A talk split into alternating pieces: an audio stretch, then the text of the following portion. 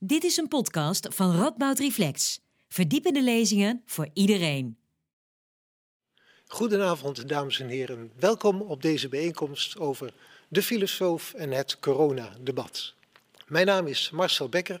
Ik ben werkzaam bij de afdeling Praktische Wijsbegeerte van de Radboud Universiteit. En ja, zoals het bij een filosoof hoort, staat u mij toe om te beginnen met een citaat.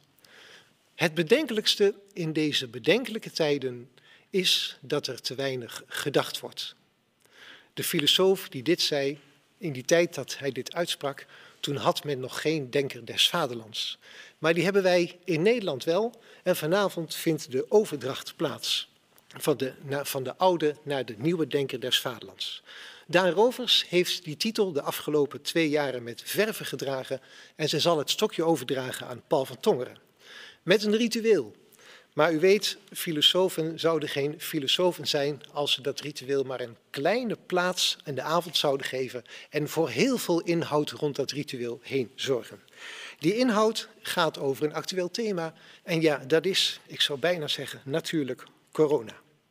Daarover praat ik eerst met de mensen hier aan tafel en daarna kunt u ook meepraten via Mentimeter.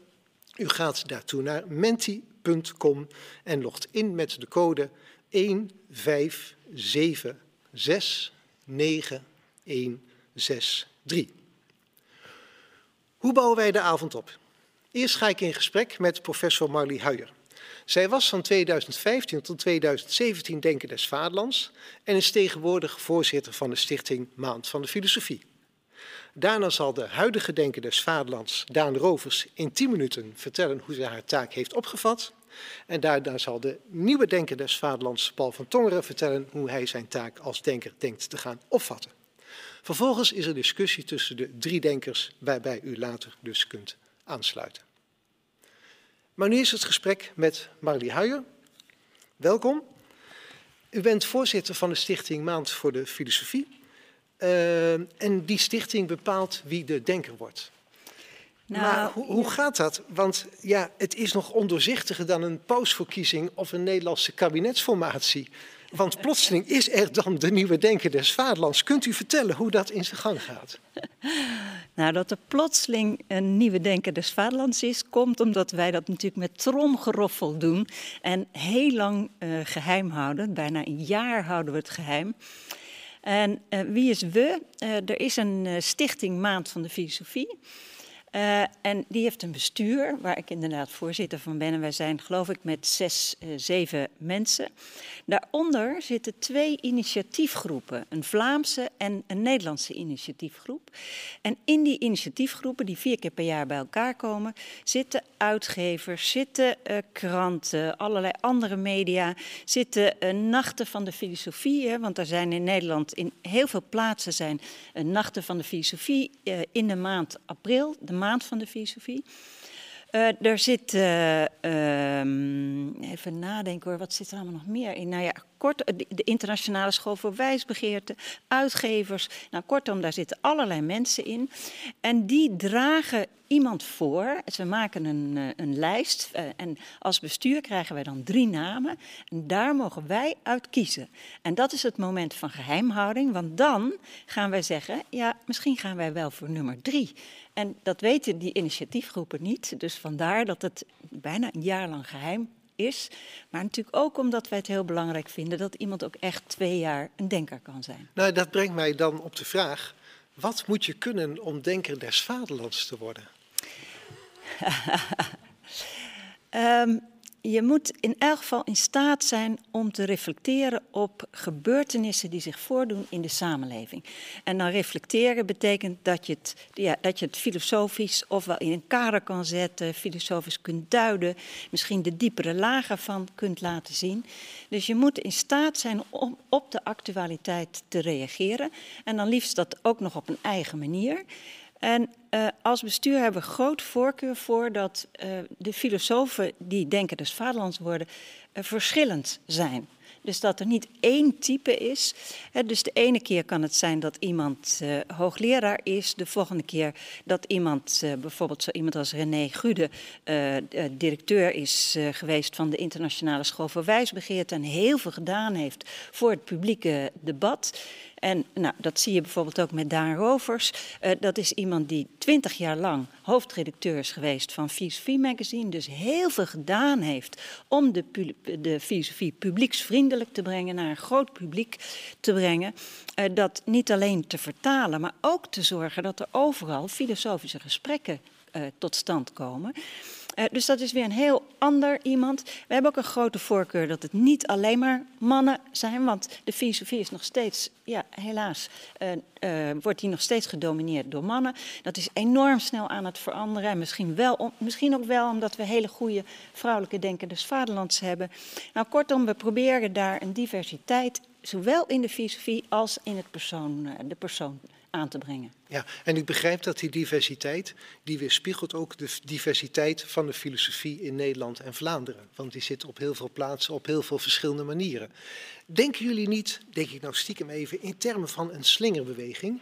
We hebben een publieksfilosoof als Daan gehad, die niet academisch gevestigd is. Weet je, dan nemen we nou een hoogleraar die wel academisch naam heeft gemaakt. En dan over twee jaar komt weer een heel ander type. Gaat het zo?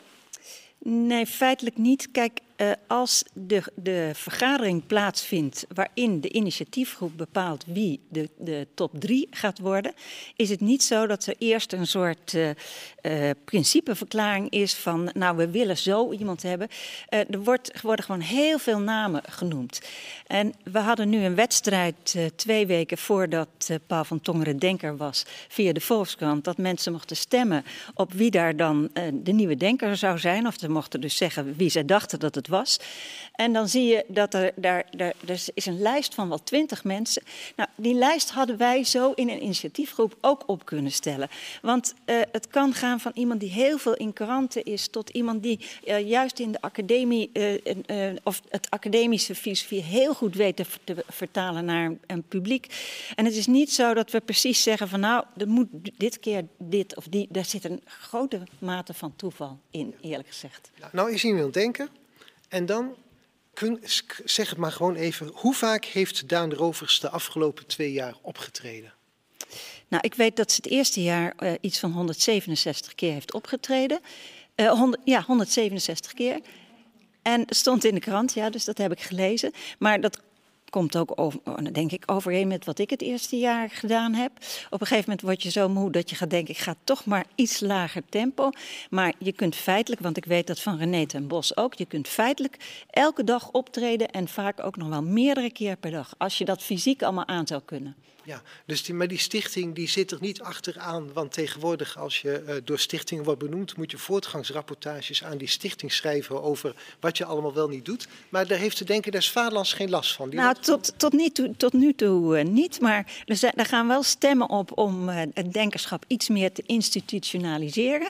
Eén vorm daarvan is dat er nu afgesproken is dat de Denken des Vaderlands moet een column schrijven in Filosofie Magazine gedurende twee jaar. Dus die verplichting heeft heeft uh, Paul nu gekregen. En het kan best zijn dat we een aantal meer verplichtingen zouden gaan doen, maar tot op heden is dat niet zo. En het is natuurlijk ook zeg maar, een instituut wat zich aan het ontwikkelen is. Ja. Maar als Daan Rovers bij Buitenhof zit, als Daan Rovers bij Nieuwsuur zit, dan denk ik, die stichting heeft goed gelobbyd om Daan Rovers daar te krijgen. Uh, nee, uh, het is andersom. Het etiket Denker des Vaderlands uh, is zo'n betrouwbaar etiket dat media vanzelf deze mensen uh, capabel genoeg achten om overal te komen spreken. En vaak is het zo, kijk, Daan was natuurlijk iemand die al redelijk vaak bij Human op televisie geweest was, misschien zelfs ook al een keer bij Buitenhof. Dus media weten ook dat ze dat kan, weten ook dat ze in kranten uh, geïnterviewd kan worden. Hetzelfde geldt voor Paul van Tongen, dus ook iemand die al sinds 2005 in het filosofisch elftal van van uh, Dagblad Trouw zit en ook in allerlei andere media heeft opgetreden. Dus het is niet zo dat je iemand kiest die geen enkele mediaervaring heeft. Nee, en het predicaat denker, dat roept dan over zich af dat die persoon in vanzelfsprekendheid door allerlei media wordt, wordt gevraagd. Maar dat hangt natuurlijk ook van de denker zelf af, hoe die het doet. Dus de ene denker zal door meer andere media worden gevraagd dan een andere denker. Ja, dat kan. Um, Hans Achterhuis was vrij veel in Dagblad Trouw. Um, kijk, René Gude heeft eigenlijk uh, vooral op televisie uh, dat denkerschap heel erg veel bekendheid gegeven. Met name zijn optredens in De Wereld Draait Door. Uh, die, die, die hadden zo onvoorstelbaar veel kijkers. En die werden ook nog herhaald, die uitzendingen. Ja, dat betekent gewoon dat miljoenen mensen kennis hebben gemaakt met een publieksfilosoof. En ja, ik denk dat, dat daarmee die motor ook is gaan draaien. En ja, vervolgens, elke denker heeft natuurlijk iets meer, nou ja, ofwel contact met NRC, of met de Volkskrant, of met Buitenhof, of met, nou ja, noem maar op. Dus je eigen contacten neem je ook mee. Maar in principe uh, is het zo dat elk medium kan die denker uh, vragen om commentaar of om een reflectie. Ja, dus wat dat betreft hebben jullie als stichting dus niet zoveel werk eraan. Je benoemt die denker en dan gaat het verder zijn eigen gang. Wel.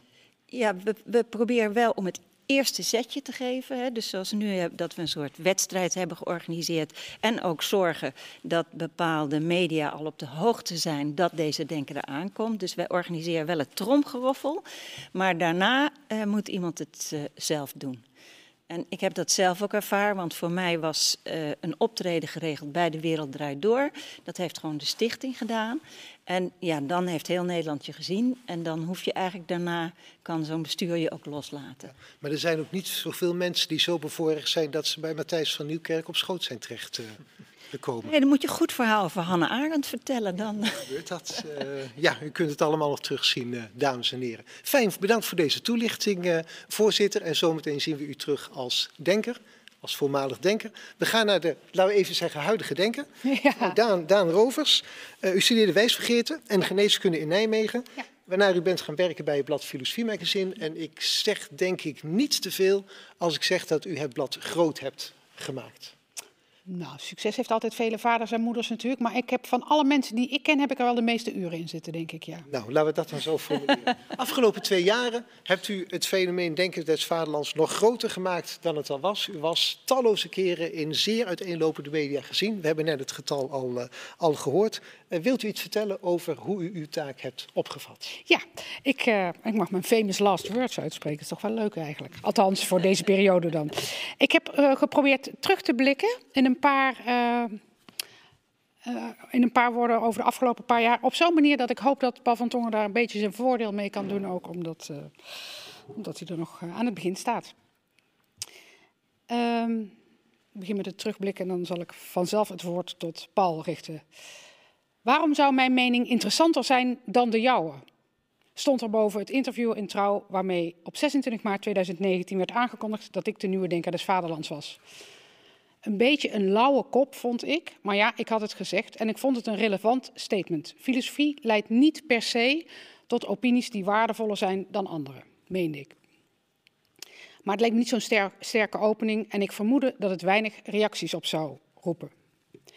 En die inschatting bleek onjuist. Binnen een paar uur had ik ruim 700 reacties van mensen die me opgelucht bijvielen. In de trant van, hè, hè, eindelijk.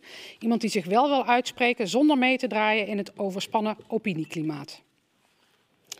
En die opdracht heb ik geprobeerd vol te houden de afgelopen twee jaar. Mijn stem verheffen zonder te opiniëren. En dat was overigens niet eenvoudig. Ik vertel het maar even, want ik heb de indruk dat dat Paul, mijn opvolger, dat ook van plan is. Als ik gebeld werd om weer eens deel te nemen aan een pittig debat over een verhitte kwestie of een quote in de krant, was de eerste vraag altijd: wat vindt u hiervan? En dan zei ik: dat is niet zo belangrijk, had ik na een tijdje ingestudeerd. Je moet me niet vragen wat ik ervan vind, je moet me vragen hoe we hierover kunnen denken. Enfin. Dus het was duidelijk wat ik niet zou doen, maar wat zou ik wel zeggen op al die podia die ik de komende jaren zou beklimmen. Tijdens mijn eerste publieke voordracht als denker op 30 maart 2019 in de bomvolle Rode Hoed in Amsterdam haalde ik Socrates aan. Je moet niet al te bescheiden zijn in de voorbeelden die je aanhaalt en die je voor je ziet. En uh, van Socrates haalde ik aan de manier waarop hij filosofie relevant wist te maken voor de politiek. Niet door zelf politiek te bedrijven, niet door de machthebbers naar de mond te praten, maar door duidelijk te maken dat moraal en politiek een andere expertise vergen dan scheepsbouw en geneeskunde. En dus door burgers daar voortdurend bij te betrekken. En ook ik vond dat burgers meer zeggenschap moesten krijgen in de politieke arena en dat we vormen van directe democratie en burgerpanels zouden moeten installeren in Nederland. De methode die ik de afgelopen jaren heb gebruikt noem ik publiek denken. En daarmee moet u publiek niet uh, reduceren tot een verzameling toeschouwers, nog tot het synoniem openbaar, maar juist die ingewikkelde wisselwerking daartussen proberen te vatten. Publiek denken ontleende ik aan Immanuel Kant in zijn Was ist Aufklärung. Nog maar weer eens een voorbeeld dat je niet te bescheiden moet zijn in je voorbeelden. Uh, en hij heeft het daar over het öffentlich Gebrauch seiner Vernunft. En ik haal daar uh, enigszins vrij interpreterend drie kenmerken uit bij Kant. Publiek denken is hardop denken, interactief en met het oog op onze gezamenlijkheid, dus niet instrumenteel. Nou, wel nu, hoe zag dat dan er dan uit? Die periode van mijn denkerschap werd door corona precies verdeeld in twee spiegelbeeldige jaren. Het eerste volle jaar heb ik stad en land afgereisd, meerdere malen in de week de trein in voor een voordracht ergens in het land. Vele mensen, heel veel mensen ontmoet en toegesproken. Festivals, boekhandels, conferenties, media. Het ging over boeren, over drugsbeleid, over burn-outs, klimaat, polarisatie, astrologie, vertrouwen in de wetenschap, vluchtelingen, coaching, de vrijheid van meningsuiting. En toen kwam corona. Vanaf maart 2020 brak jaar 2 aan. In één klap tientallen annuleringen. Voor mij, en ik heb het al eerder gezegd, ook wel een klein beetje een opluchting. Ik had het even nodig. En hoewel ik ineens voor een groot deel van de tijd weer thuis was, hield de telefoon niet op met rinkelen. Maar nu vrijwel uitsluitend de media. Met steeds die ene vraag: wat zullen we van deze periode leren? De eerste die hem stelde, deed dat al één dag voor de lockdown. En een paar dagen later werd diezelfde vraag mij op één dag wel 23 keer gesteld. Ook het soort voordrachten veranderde. Voor iemand die publiek denken tot haar kern van haar werk heeft gemaakt, was het roeien met de riemen die we hebben. Maar contact maken via Zoom, we gaan het nu weer proberen. Ik zal dus niet zeggen dat het niet kan, maar het is fietsen met heel dunne banden door het mullenzand van de woestijn. Het is ongelooflijk moeizaam maar het kan. En ik kwam op nog veel gekkere plekken dan daarvoor. Want veel organisaties hebben nu hun eigen studiolocaties ingericht. Meestal heel ver van het station, helaas. Opvallend vaak in een vaccinatiehal of daar vlak naast, zoals in Barneveld. Maar ook de verder uitgestorven Brabanthallen, waar ik 800 geriaters toesprak. Ja, we hadden die locatie toch al gehuurd. En uh, vorige week uh, in de bestuurskamer van PEC Zwolle met uitzicht op de middenstip. Je komt nog eens ergens. Maar de thematiek heeft zich helaas wel vernauwd. Hoewel er de laatste maanden weer iets meer ruimte is voor wat andere lange termijn vraagstukken, hangt het coronavirus boven elke lezing en elk interview. En wat heb je dan aan een filosoof in een pandemie? En speciaal, wat heb je aan een denker des vaderlands? Nou, ik wilde me dus, zoals gezegd, eigenlijk niet mengen in het debat over meer of minder maatregelen. Ga ik vanaf morgen wel doen trouwens misschien, maar heb ik tot nog toe niet zozeer gedaan. Omdat eigenlijk elke positie me daarin in, zekere mate verdedigbaar leek en ook een beetje arbitrair. Dus uh, en, en, in ieder geval geen, niet per se een filosofische positie. Dus ik heb me uh, geprobeerd met een aantal dingen bezig te houden. Ik heb allereerst geprobeerd om mijn denken beschikbaar te maken voor zover daar een beroep op werd gedaan om deze nieuwe problematiek te begrijpen. Bijvoorbeeld uh, de Amsterdamse burgemeester wilde eens een denktank, een communicatieteam rondom het kabinet in Den Haag. Ik heb geprobeerd die dilemma's te begrijpen en een heel klein duwtje te geven. Op deze rol, die ik zelf overigens heel graag vervul, omdat die voor mij zo leerzaam is, heb ik nog wel een paar uh, andere reflecties over hoe zinvol dat precies is, maar dat komt misschien later. Verder heb ik gesprekken gevoerd met allerlei professionals, uh, over oude en nieuwe dilemma's met huisartsen, ziekenhuismedewerkers, burgemeesters, verpleeghuismanagers, etc. Wederom heel leerzaam, in elk geval voor mij. In het publieke debat heb ik me geconcentreerd op een paar vragen. Vooral het ging vooral over de vraag: wat betekent het om in deze pandemie te leven? Bijvoorbeeld, uh, hoe kunnen we de opkomst juist nu van complotdenkers begrijpen?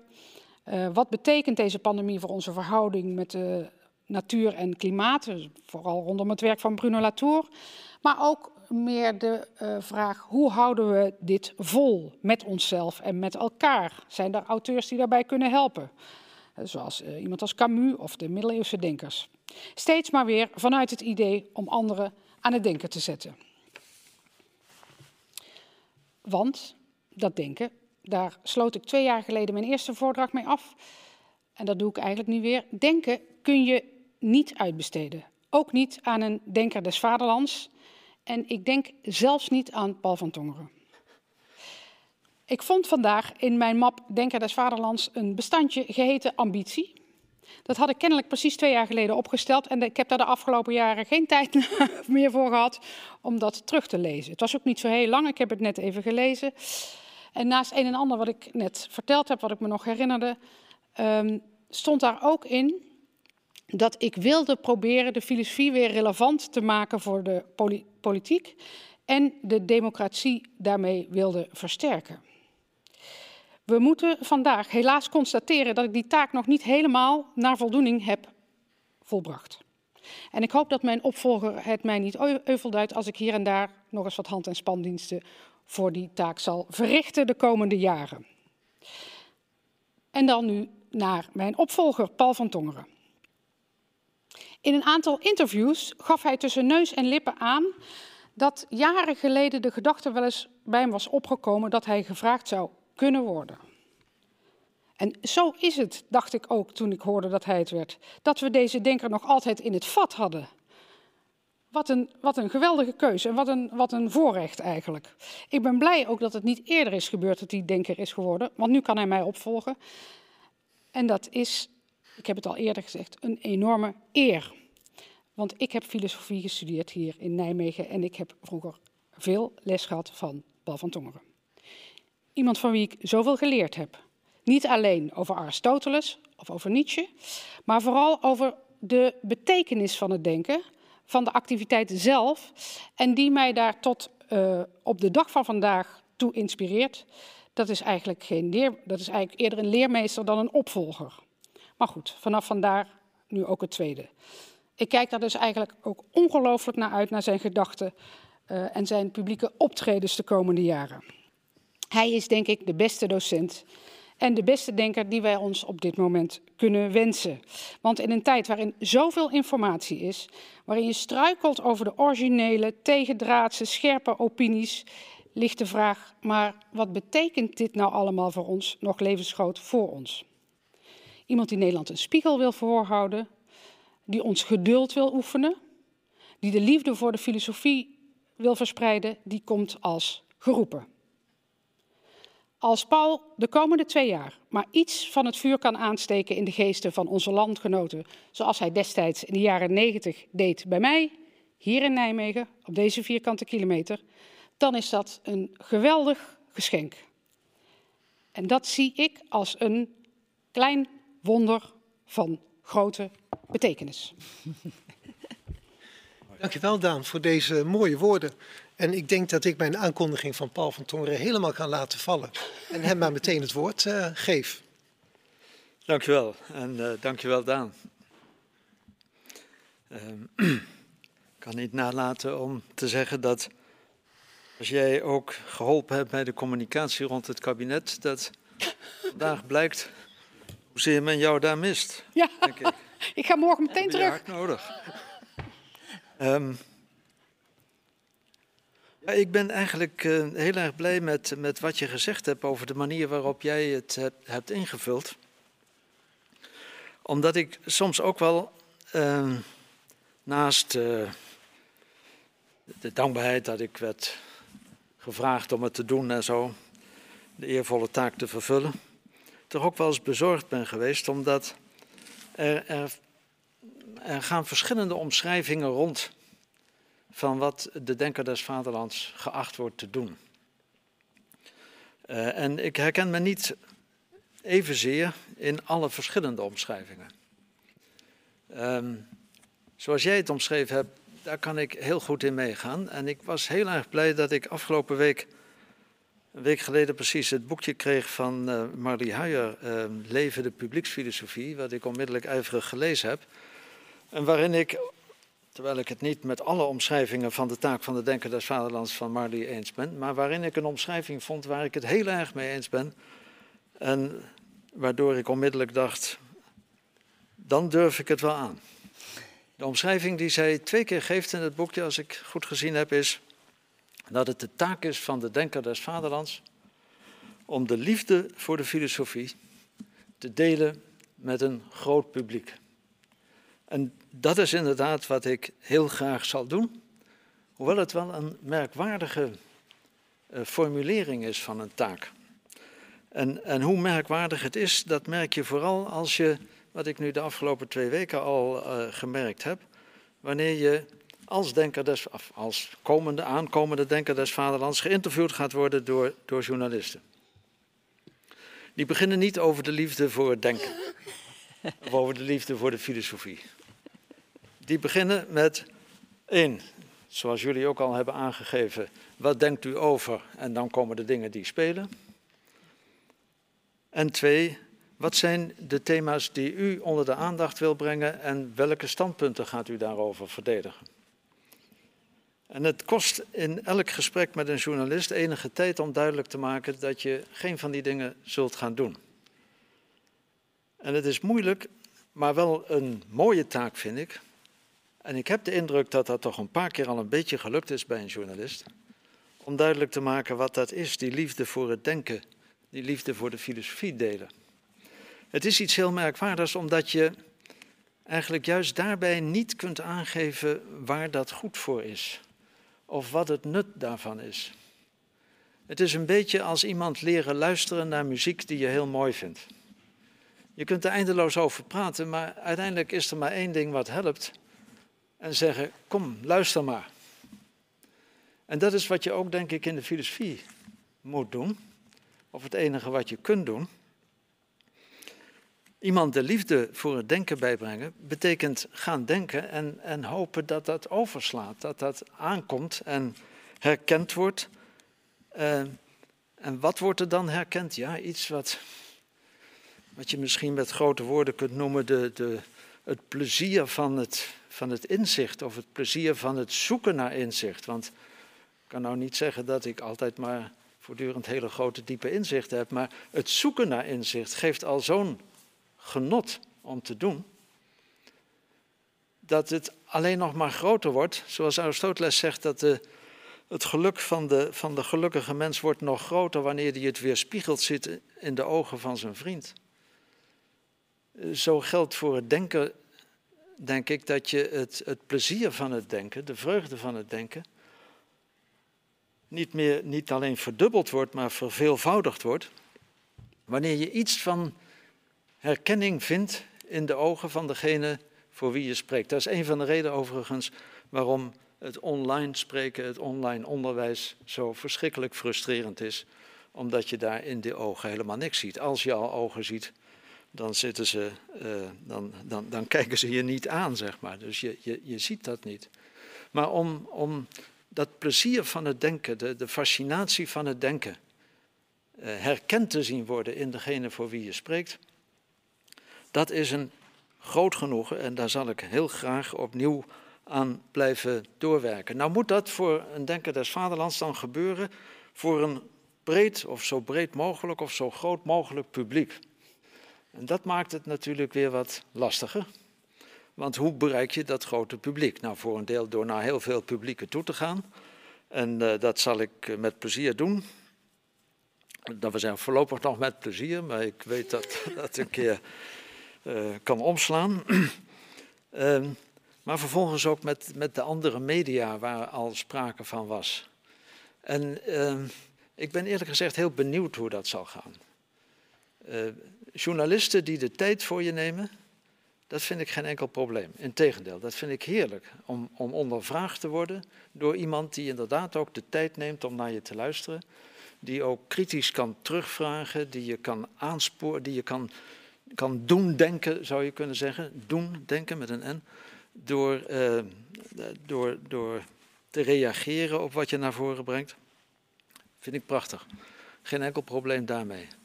Bij de radio, tot nog toe een beperkte ervaring. Vanaf dat ik nu in die functie aangekondigd was. Maar één keer echt een radioprogramma. Maar gelukkig één waar het ook waar je tijd kreeg. Een uur lang bij uh, Nooit meer slapen Pieter van der Wielen, uitstekende interviewer. Dat is mooi om zo te kunnen spreken, inderdaad.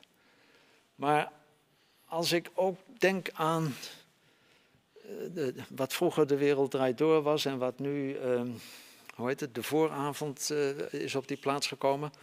Waar ik binnenkort geloof ik ook naartoe moet, daar ben ik aarzelend. Dat heb ik zo ook gezegd. Ik weet niet of, of, of, of ik dat kan. Dat wil zeggen, om in twee minuten iets te zeggen, dat is toch van een andere orde dan proberen hardop te denken en te kijken of het vuur van het denken kan, kan, kan overslaan. Bovendien zie je daar dat dan onmiddellijk, want ja, dat zit vast aan die twee minuten die je dan krijgt, dan moet het gaan over iets wat nu speelt en wat door een groot publiek herkend wordt enzovoort.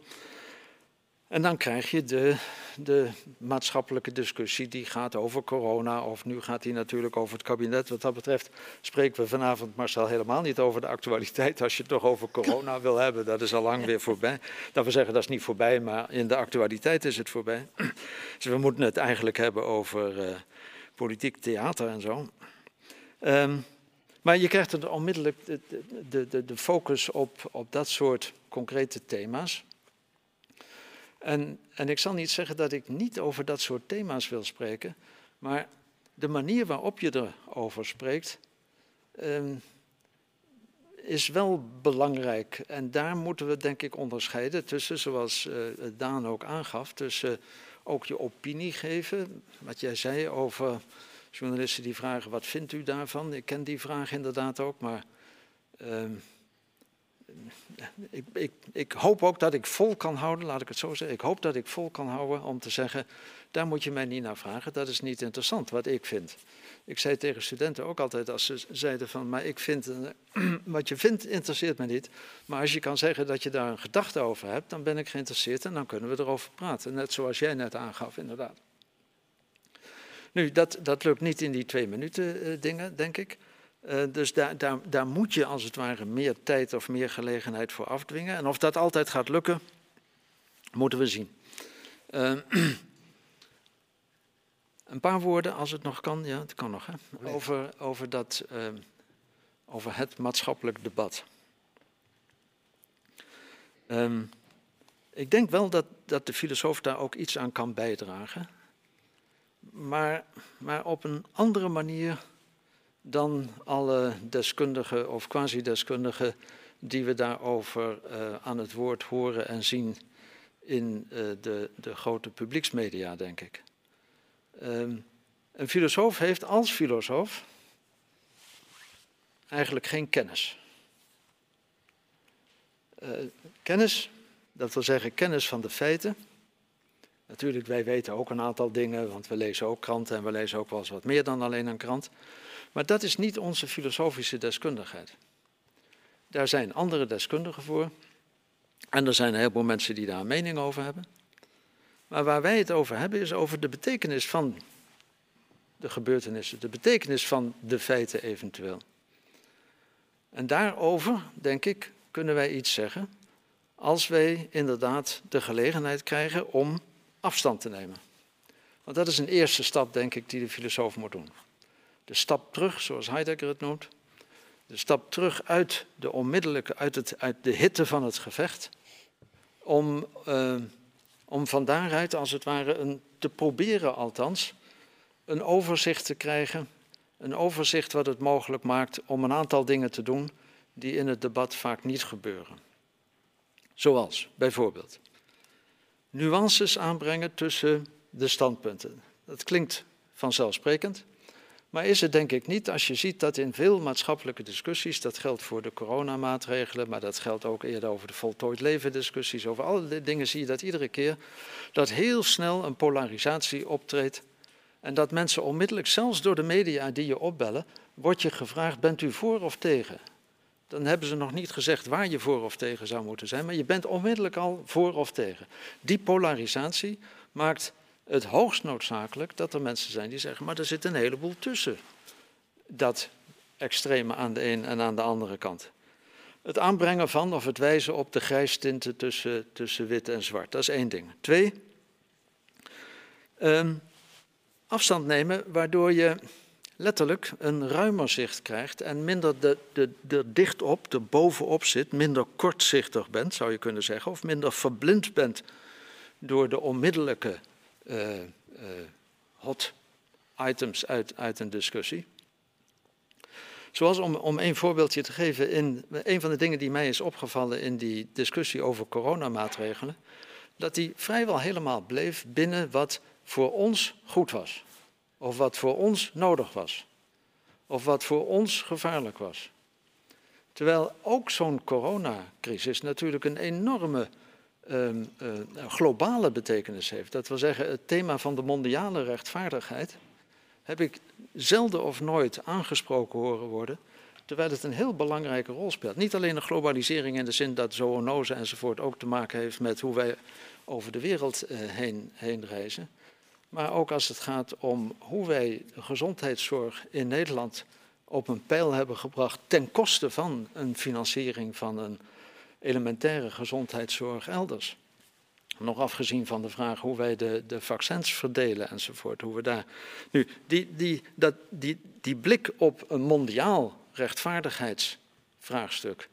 Om dat in verband te brengen met de actuele discussie, waarin we eigenlijk ons blind staren op wat voor ons nodig of handig of nuttig is, is een ander voorbeeld.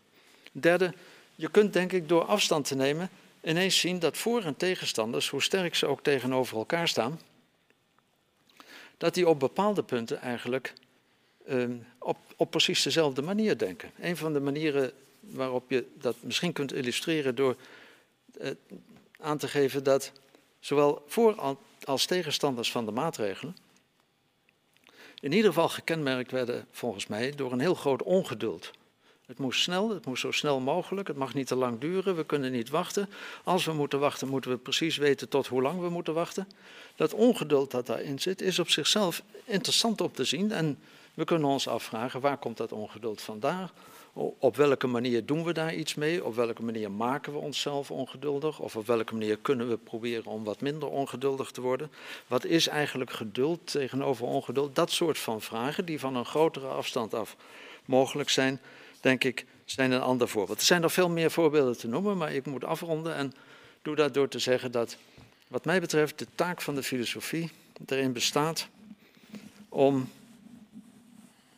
een spiegel voor te houden aan onszelf. Ik zeg niet dat de filosoof de spiegel heeft en dat die andere de spiegel voorhoudt.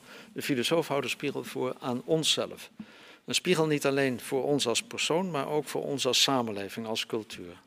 En die spiegel is, zoals meestal in de iconografie van de, van de prudentie ook te zien is, een bolle spiegel. Dat wil zeggen, daar zien we onszelf in een grotere omgeving. Te laten zien wie we eigenlijk zijn in een grotere context. Dat is wat de filosoof, denk ik, kan bijdragen in het maatschappelijk debat. En als hij dat doet door te denken, dan is het alleen goed als het lukt om ook het, de vreugde, het plezier van het denken daarbij over te dragen. En ik hoop dat me dat een beetje gaat lukken. Dank u wel, Paul van Tongeren, voor deze uitleg over hoe u uw taak opvat, de oprechte twijfel daarbij en ook al de concrete instructie hoe dan zo'n denken in zijn werk gaat. Ik geef nu graag even het woord, voordat we verder gaan praten en denken over corona, aan Marlie Huijer nog even als voorzitter van de stichting. Ja, Daan Rovers, mag ik je namens al die mensen die je de afgelopen twee jaar gesproken hebt in Nederland. Namens burgemeesters, verpleegkundigen, onderwijskundigen, psychiaters.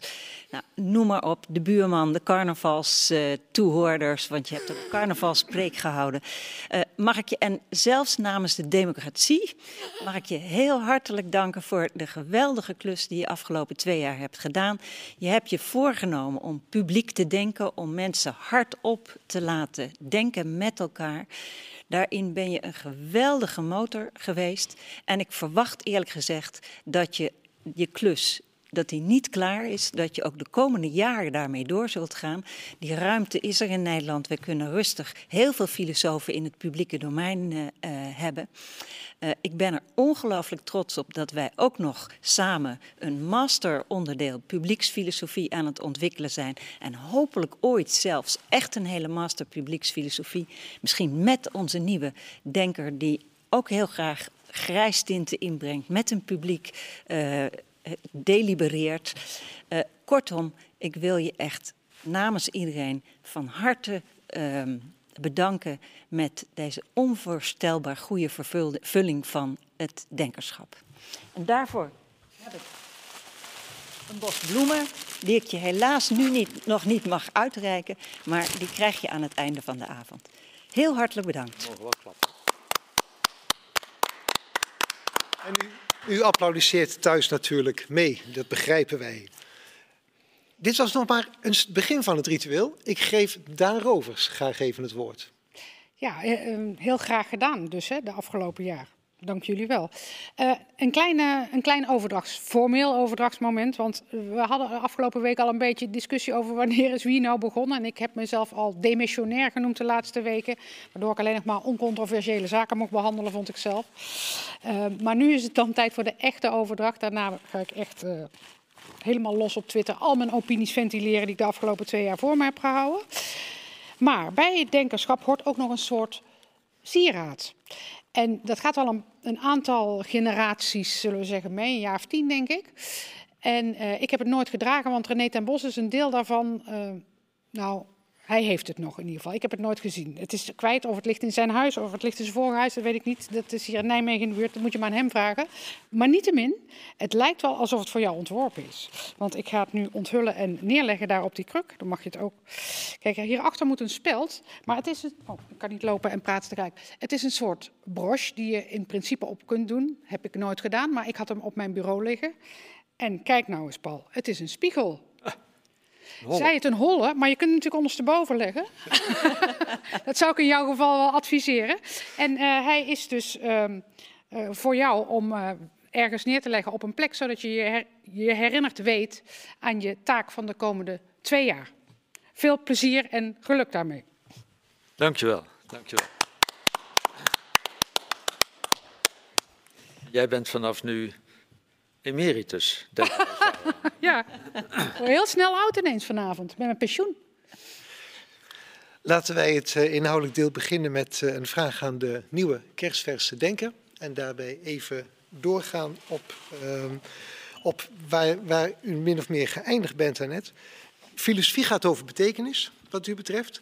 Coronatijd is een crisistijd en onder druk gaat alles bewegen. Welke betekenissen hebt u zien verschuiven? Hebt u zien bewegen de afgelopen tijd? Of kunt u daarvan één uitlichten?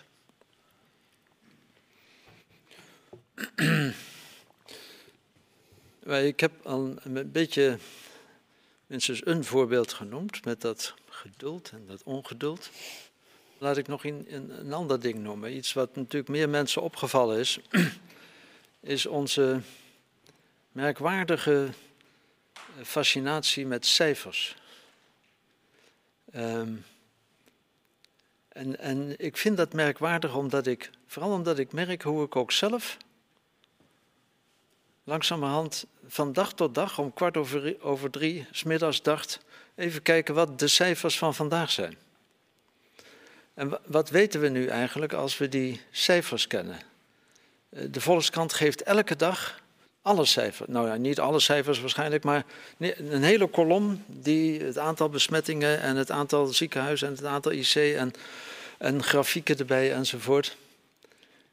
Wij zijn volgens mij nog nooit zo sterk gefascineerd geweest door cijfers, door getallen, als in in de tijd van deze pandemie. En ik vind dat hoogst merkwaardig. Uh, het valt gewoon op omdat het voor het eerst volgens mij zo sterk het geval is geweest. Zo continu elke dag. Dat is voor mij ook heel erg duidelijk toen ik een, uh, in de tijd dat de lockdown eventjes opgeheven was. Uh, konden we weer naar theater onder allerlei beperkingen. En, en, ik heb die gelegenheid aangegrepen en ben naar een, een toneelversie van De Pest van Albert Camus geweest. Schitterende voorstelling vond ik. Van Oostpool denk ik, maar dat weet ik niet zeker. Ja. ja.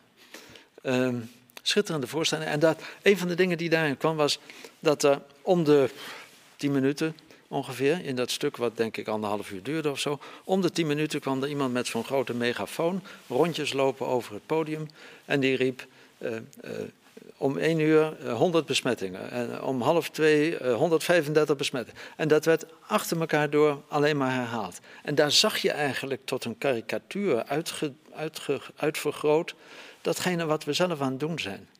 Ik vond dat heel merkwaardig. Ik vind het nog merkwaardiger dat ik dat opmerk en, en tegelijkertijd nog steeds eigenlijk geïnteresseerd blijf in die cijfers.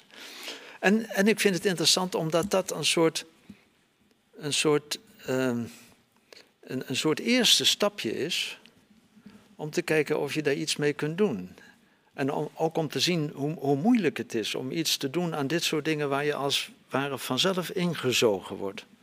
Dus je moet jezelf op een bepaald moment, als je dat wil, dwingen om niet te kijken. Of als je de impuls voelt om even op je zakcomputer te kijken van hoe is het vandaag, om dat ding toch weg te houden, om daar niet naar te kijken.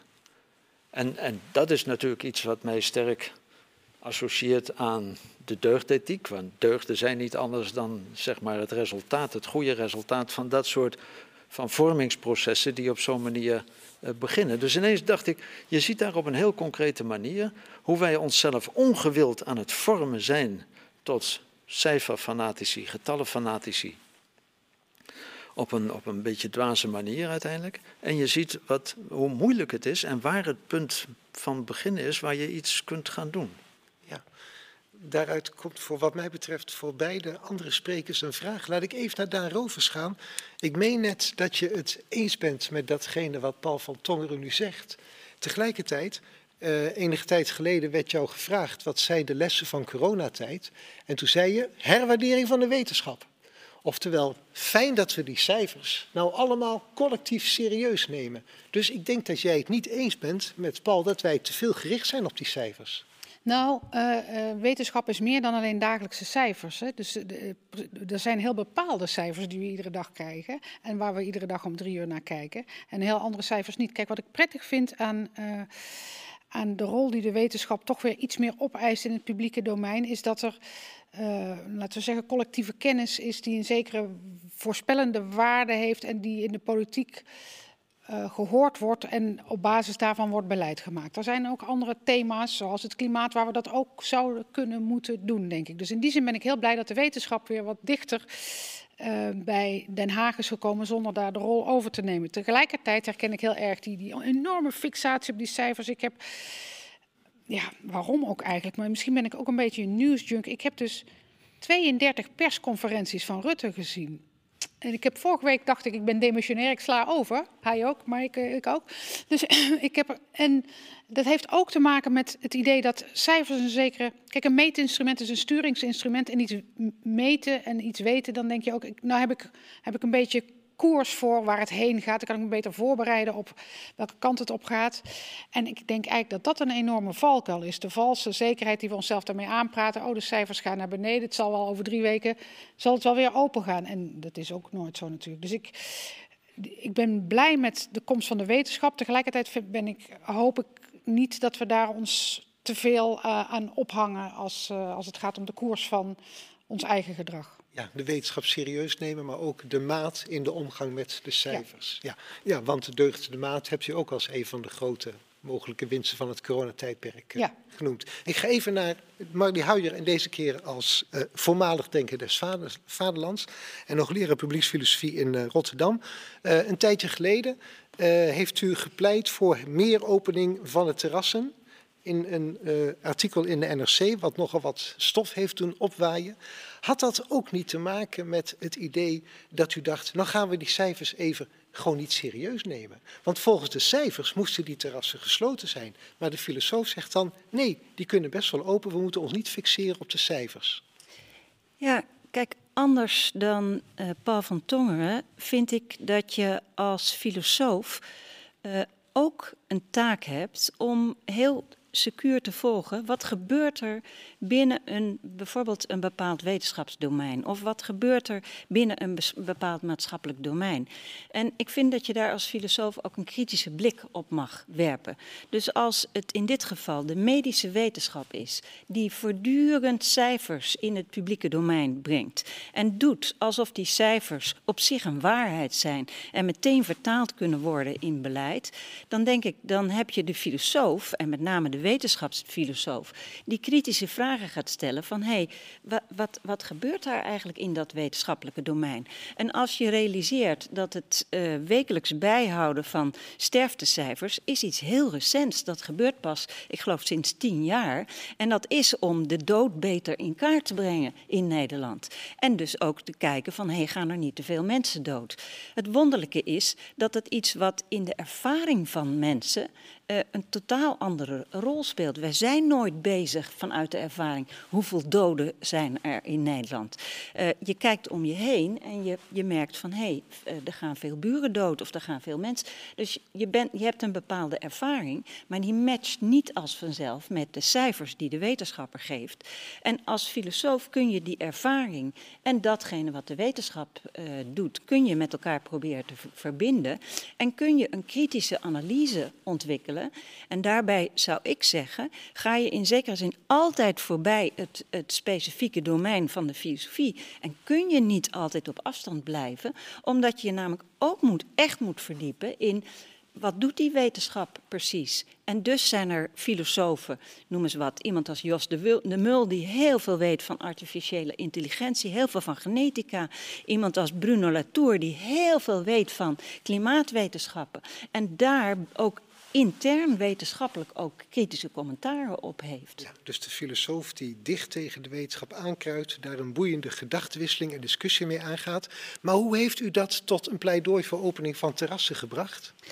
Uh, nou, kijk, ik vind dat in de uh, benadering van het uh, OMT, dat, dat, dat team met die verschrikkelijke naam, Engelse naam, Outbreak Management Team. Ik heb laatst geprobeerd om dat te vertalen. Een uitbraak, aanpak, uh, samenwerkingsverband. Um, maar daar zitten alleen maar mensen in die medisch geschoold zijn. Daar mogen af en toe worden daar gedragswetenschappers uitgenodigd.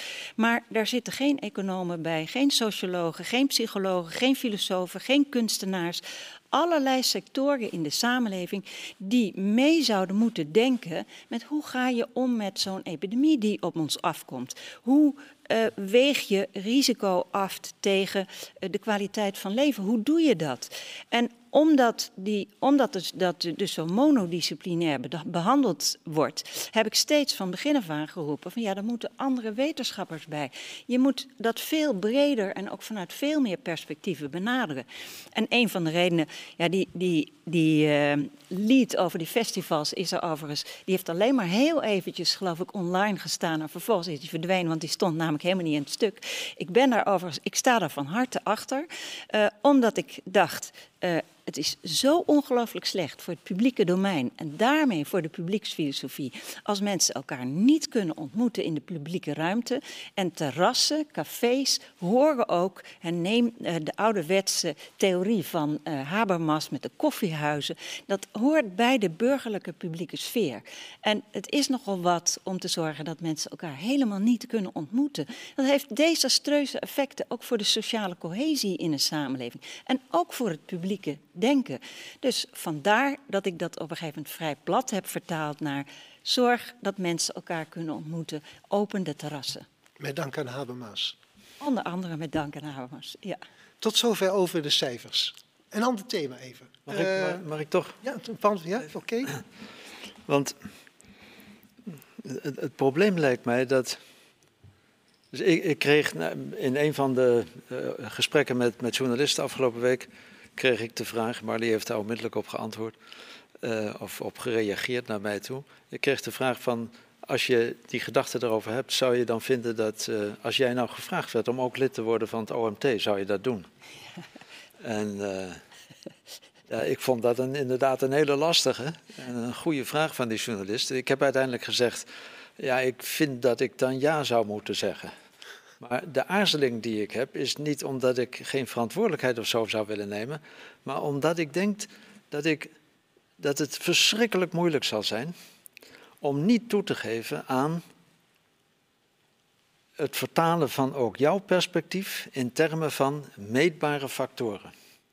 Want het is niet zo dat alleen de doden en de ziekenhuisopnames enzovoort geteld worden. Ook aan de andere kant worden de aantal werklozen geteld. Worden de aantallen zelfmoordpogingen geteld. Worden ook, dat wordt allemaal gekwantificeerd. En wanneer je als filosoof in een OMT zou komen, omdat je zegt van ik, ik zie daar dingen gebeuren die opmerkelijk zijn, dan zal het heel moeilijk zijn om om, om los te komen van de dwang die er op je gelegd wordt, om ook dat op een meetbare manier aan te geven. Ik denk wel dat je het zou moeten proberen, maar ik denk dat het een bijna hopeloze taak is. Dat zeg ik niet als een soort kritiek op het OMT van, van jullie verstaan niks anders dan cijfers. Dat, dat, dat zit een beetje in het mechanisme van de manier waarop wij managen. Waarop ook een O-management T het is een managementteam waarop een regering managt enzovoort. Management zit vast, bijna onvermijdelijk denk ik, aan, aan kwantificering en meetbaar maken. Maar dat op zichzelf, die, die trek van het kwantificeren en het meetbaar maken, die zie je op een extreem sterke manier ineens tevoorschijn komen als een soort maatschappelijke trek. Ik zeg ook niet dat managers nou moeten ophouden met dingen te meten. Dat, dat zal wel voor een deel onvermijdbaar zijn. Maar wat zo raar is, is dat wij als hele samenleving een soort managers zijn gaan worden. Door ook in, meetbaar, in, in meettermen te spreken. Het is niet alleen de, het meten van de, de medici. Het is een soort meetbaarheidsfantasma waar we allemaal in terechtgekomen zijn, denk ik dan is het een van de mogelijkheden van de filosofie om ons uit dat meetbaarheidsfantasma te trekken en na te denken over onze ervaring, onze beleving vanuit de verwondering van betekenis. En dan kijk ik even naar Daan Rovers. Een van uw mooie interventies vond ik het interview met Jacobine Geel over hoe onze tijdservaring, onze tijdsbeleving door corona wordt bepaald. En ik moet er nou aan denken, omdat tijd wordt ook altijd in eenheden vastgelegd. Zometeen bent u aan de beurt, dames en heren, met de Mentimeter is het om tien uur mag u ons vragen stellen. Zeker, tijd is belangrijk.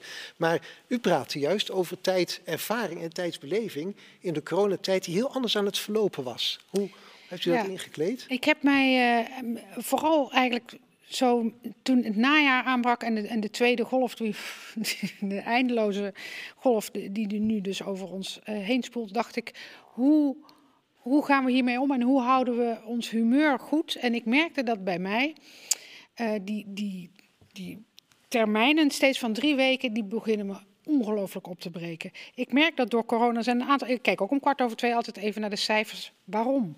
wat maakt het uit? Wat, die cijfers kijken niet terug naar mij. Het betekent helemaal niks voor mij en toch doe ik het. Maar, uh, en dan heb je dus die andere cyclus, is die drie wekelijkse, tot over drie weken, wat Rutte iedere keer zegt. En je kunt die persconferenties heus wel overslaan, maar iedereen weet dat, dat, dat het ongeveer drie weken duurt. En drie weken heb ik gemerkt, is net niks. Het is te lang om niks te doen. Hè? Je kunt niet drie weken in je bed blijven liggen en denken, ik doe maar niks. Maar je doet ook niet echt wat. Hè? Een hoofdstuk van een boek schrijf je niet in drie weken. Uh, dus je denkt, nou, misschien over drie weken zijn de collegezalen weer open of zijn de cafés weer open of gaat die conferentie wel door. Je annuleert ook nog niks. Dus iedere keer uh, schuift die horizon drie meter verder op. Het deed mij denken aan, aan zo'n badmeester. Ik heb in de jaren 70 uh, zwemles gehad in, Brabant. Die liep dan steeds een meter naar achter, weet je wel, als je dan uh, onder water moest zwemmen. En daar, daar doet dit mij ook een beetje aan denk Je denkt steeds, over drie weken gebeurt er wat en dan gebeurt er niks. En ik denk dat die heel beperkte tijdshorizon ons mentaal langzaam begint op te breken. En het moeilijk maakt om te kijken naar de lange termijn. Terwijl als je nu terugkijkt, zitten we er al ruim een jaar in. Dat is hè, dus twintig keer drie weken. En, en in dat jaar had ik echt wel klarinet kunnen leren spelen, of mijn Grieks op kunnen pakken, of iets, iets kunnen doen voor, uh, uh, aan een ontwikkeling iets waar ik wat nog, nog nuttiger is dan denken des vaderlands zijn. Ja, nou in ieder geval mijn, mijn, uh, mijn perspectief wat meer op de lange termijn openen. Ik denk dat dat voor mijzelf en voor veel mensen belangrijk is. Dat je niet zo uh, vastgebonden zit aan dat moment. Als het nou eeuwig zou duren, zou je nog denken, daar moet ik zelf iets aan doorbreken. Maar waarvan je denkt, over drie weken word, word ik hiervan verlost. Niet prettig. Nee. Terwijl ik de Menti-metercode nog één keer noem, dan kunt u uw vraag opschrijven. Ga ik zo meteen even naar Paul Vertongeren. Uh, code 1576 9163. Paul Vertonger heeft een aantal jaar geleden een boekje geschreven over het verstrijken van de tijd. Herkent u die tijdsanalyse die Daan, Rover, Daan Rovers nu schetst? Ja, ik vond dat heel interessant. Ik heb dat toen gelezen, denk ik. Het was ook in een krant dat je daar iets over. Over die acedia misschien? Of nou, ik weet het niet. Ik, weet het niet ik, meer. Ik heb een keer iets van je gedachten daarover meegekregen. Eh, en dat ging inderdaad over die Arcadia of Acedia. Ja. En, de, en, de, eh, en, en eh, dat vond ik ook een mooi voorbeeld van wat je inderdaad als filosoof zou kunnen doen. Dat Acedia, legt u dat even uit, notie? Acedia is een van de, een van de ondeugden. Een van de klassieke ondeugden, een van de zeven ondeugden. Of, of eh, wat is het, hoofdzonde of zo. Het is de, de ledigheid. Eh, of de luiheid zou je kunnen zeggen. En eh, eh, het is eigenlijk een, eh, een, een ondeugd die vooral in eh, kloosterlijke sferen is gethematiseerd. Omdat daar de paters blijkbaar allemaal een beetje last hadden van de, na de na de middagmaaltijd, eh, dan, eh, nou ja, dan, wat er dan gebeurt, eh, er gebeurt eigenlijk niks en, en dan komen de slechte gedachten binnen enzovoort. Eh, nu, die, die ledigheid, dat vond ik een prachtige herinnering aan, inderdaad, of herinnering eigenlijk aan een, zichtbaar maken. Want dat is denk ik wat de filosoof vaak doet. Ik, ik, ik ben veel minder dan Marley, denk ik, geneigd om te zeggen van het moet een bijdrage zijn aan de, de verheldering en, en het en dichter bij een soort oplossing of, of, of uitkomst ko- eh, eh, komen van een debat.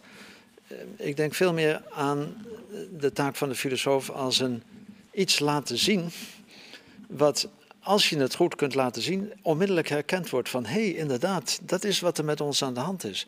Wij, wij, wij voelen, wij ervaren ineens een soort lege tijd. Nou, die drie weken is daar ook een voorbeeld van. Dat je drie weken hebt, een tijd waarin je als het ware niks kan doen. Soms lukt het wel om in drie weken een hoofdstuk van een boek te schrijven, maar eh, drie weken is inderdaad een beetje een krappe tijd. Maar, maar ook op andere punten, dat, dat je dus binnen moet zitten of dat je veel minder in ieder geval naar buiten kan. Dat een heleboel dingen die je gewend was te doen in het ritme van de dag, dat die wegvallen. En dat je dus veel langer ook gewoon binnen aan je tafel zit en dan ineens ook ziet dat er tijd is die er anders niet was, omdat je dan naar de sportschool moest of weet ik wat allemaal. Ehm, dat de, de ervaring van de tijd die ineens als een, als een lege tijd verschijnt. Dat is, dat is iets opmerkelijks. Ik kan daar niet onmiddellijk een conclusie aan verbinden van wat we moeten doen. En al helemaal niet wat dat ons helpt bij de oplossing van de pandemie. Dat zal misschien niks helpen. Maar als je iets ziet van jezelf, dat is die spiegelfunctie waar ik het eerder over had. Als je ineens van jezelf ziet van hé, hey, inderdaad, dat is zo. Dan, dan, proef je een beetje van dat plezier van het inzicht of van het zoeken naar inzicht. Dan, dan zie je ineens iets wat niet ergens goed voor is, maar gewoon simpelweg omdat je het ziet, omdat je iets ziet wat er altijd al was en nu opmerkt, is dat, is dat mooi, denk ik. En ik vond dat bij die, die acedia, daar ging het inderdaad over, heel goed gedaan. Daar wilde Marley Huijer nog op reageren, want de vragen komen nu binnen, de Mentimeter. Een aantal mensen zijn het niet met jullie eens, kan ik al wel verklappen. Marley, wilde jij nog iets zeggen over de tijd, de tijdelijkheid?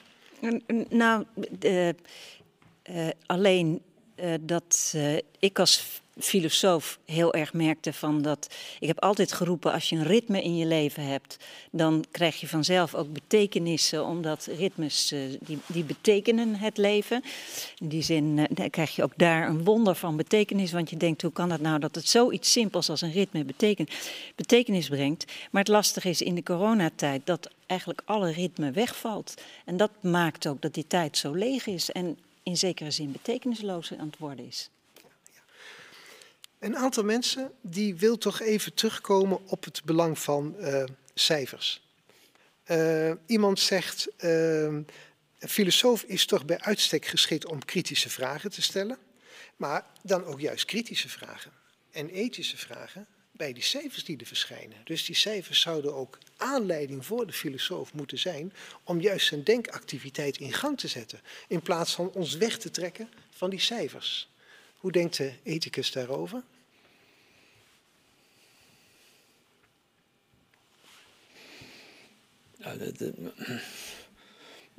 Dat, kan zeker soms ook het geval zijn.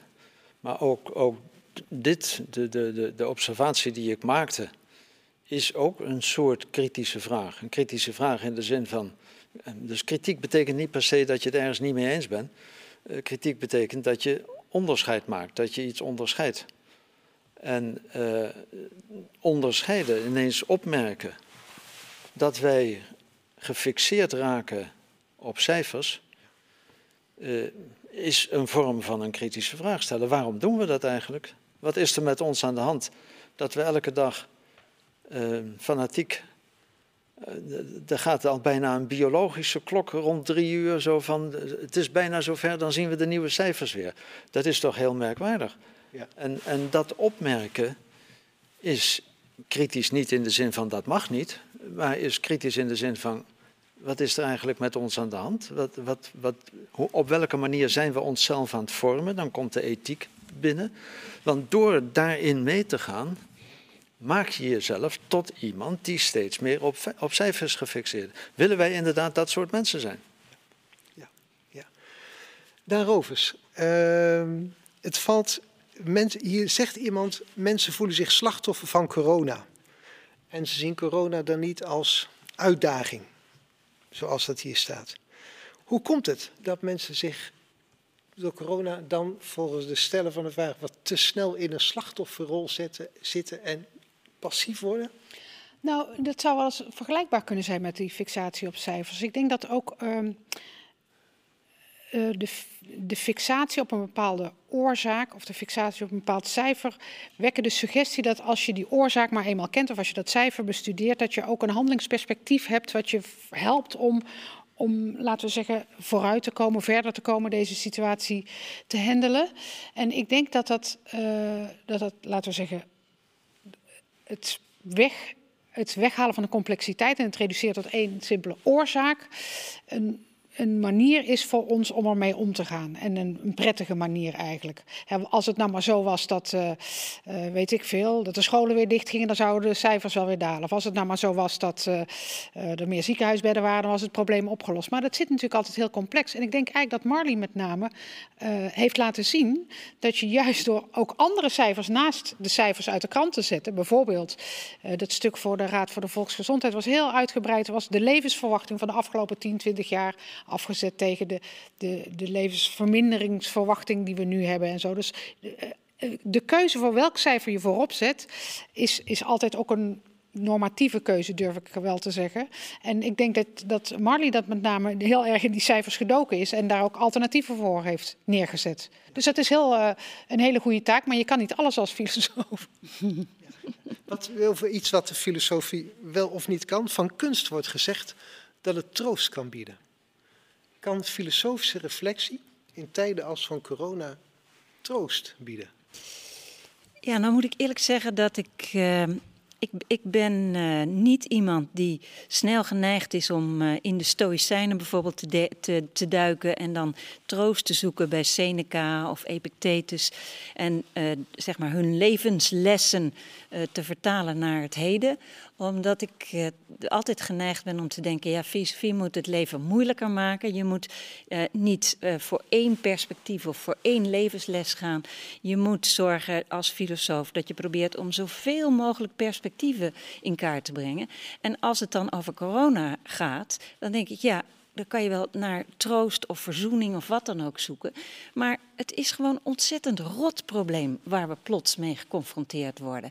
En waarom zou je dan al te snel naar verzoening willen of al te snel naar troost? En dan denk ik van ja, die ervaring dat het gewoon ongelooflijk naar is. Dat mensen daaraan doodgaan, dat mensen uh, opgesloten worden. Waarom niet eerst die ervaring heel serieus nemen en daarop reflecteren? Hoeveel ellende kunnen wij eigenlijk verdragen? En misschien is die vraag dan wel weer troostend, hè, van hoe, hoe, ja, hoe opgesloten kan je zijn, hoe eenzaam kun je je voelen. Zijn we nog wel gewend om eenzaamheid, ervaringen van uh, sterven, et cetera, om ons heen te hebben? Of zijn we dat helemaal verleerd? Uh, maar die vraag van hoe ga je daarmee om, vind ik eigenlijk belangrijker, of hoe, hoe, ja, hoe ervaar je dat, dan om nou meteen op zoek te gaan naar de troost. Sterker nog, ik kan me voorstellen dat het zoeken naar troost uh, misschien wel um, je apathisch maakt en je, je kritische vermogen onderdrukt. Ja. Paul van Tongeren? over de relatie tussen ervaring en troost? Er zijn allerlei soorten troost, uh, denk ik. Maar uh, ik heb in, in die tijd uh, van de, de coronadiscussies wel ook een paar keer. Ik heb een paar keer moeten denken aan wat een vriend van me een keer zei. Die, een, dat is een psychoanalyticus. En, en ik zei hem een keer. Ik ben ook geïnteresseerd in psychoanalyse, maar vooral theoretisch geïnteresseerd. Ik heb het nooit in praktijk gebracht natuurlijk. En, en hij wel. En, en ik zei van, is het nou, kun, je, kun je mensen eigenlijk wel echt helpen ook met psychoanalyse? Heb je, heb je wel eens iemand inderdaad ook van zijn problemen afgeholpen? En toen zei hij, nee, natuurlijk niet. Dat kan helemaal niet. Maar waarom doe je het dan? Toen zei hij, het inzicht wat je mensen kunt geven in het probleem, laten zien wat er met ze aan de hand is, dat geeft een groter genot dan de pijn van het lijden dat je niet wegneemt, dat er nog steeds is. Nou, dat is misschien een beetje een bouwde, een sterke uitspraak, maar iets daarvan is waar, denk ik. Dus het gaat bij die troost die precies de filosofie kan bieden, denk ik, ook niet om, om, om, om te doen alsof het wel meevalt of, of om je, je, je, je heil te zoeken in, in iets waardoor je er niet meer aan denkt of, of iets dergelijks. Maar precies weer opnieuw in, in relatie tot die spiegelfunctie. Zien wat er met je aan de hand is, geeft een, een genot, zegt de psychoanalyticus, geeft een vreugde die inderdaad ook troostend kan zijn. En, en niet troostend in de zin van dat je, dat je daarmee de ellende wegneemt, maar het is niet alleen maar die ellende. En het is ook niet de ellende die je afschuift op, zoals de, dit stukje discussie begon, op een ander die daar de schuld, die daar de schuld van is, of, of aan, aan wie gezegd wordt van wat heb je ons aangedaan enzovoort. Het, het is een, een, een, een inzicht dat je bij jezelf brengt op een manier dat je het lijden onder ogen ziet, maar tegelijkertijd ook daar een soort van troost in vindt, juist om het, door het te zien. Maar dus door in die ervaring te gaan, wordt juist de troost wel een mogelijkheid. Ja, ik, ik, ik, moet je, ja, ik stuiter daar toch een beetje tegen, omdat ik denk, ja, het is heel, dat klinkt heel rationeel, heel afstandelijk. Maar als je in die gevoelens van eenzaamheid of uh, paniek over deze crisis zit, of als je als supervisor, begeleider van studenten of promovendi merkt dat mensen er gewoon aan onderdoor gaan, aan eenzaamheid, aan dat ze het niet aankunnen, uh, dat ze zo verschrikkelijk verloren zijn, uh, dan denk ik dat het niet helpt om dit soort woorden te zeggen. En dat het toch ook dan op zo'n moment heel erg belangrijk is om ja, bij die ervaring even te blijven. En niet heel al te snel naar die afstandelijke relatie of uh, die afstandelijke reactie te gaan. Ja, dat, dat zou kunnen, maar dat denk ik dan weer is de deskundigheid van de psycholoog of van de therapeut. Dus die, die zal misschien zeggen, ja, maar nou, nou moet er een ander soort hulp geboden worden. Ik denk dan, wat, wat ik als filosoof kan, is, althans hoop te kunnen, is te proberen om die blik op onszelf te geven. En ik denk dat dat soms helpt. Misschien bij anderen niet, maar eh, niemand heeft een, een, een oplossing voor iedereen. Uh, maar, maar dit is wat wij kunnen bijdragen. En de psycholoog moet de, de, de, de therapie hanteren die, die zij of hij denkt dat, dat het meest nuttig is. Maar ik moet niet de psycholoog gaan spreken omdat ik denk, nou, ze hebben het wel erg moeilijk enzovoort. Het is ook mogelijk dat mensen die voortdurend horen dat het toch wel heel erg zwaar is enzovoort, dat die het daardoor alleen nog maar zwaarder gaan, uh, gaan vinden. Het zou ook mogelijk zijn. Ik weet het allemaal niet, daar zijn andere deskundigen voor. Wat ik kan als filosoof is die stap terug doen en dit grotere zicht proberen te bieden. En ik denk dat dat soms helpt. Ik merk dat dat soms helpt bij mij en dan hoop ik maar dat ik dat kan overbrengen. Ik heb toch soms de, het laatste jaar wel expliciet uh, me voorgenomen en de behoefte gevoeld om mensen een hart onder de riem te steken. Dat is iets anders dan troost bieden.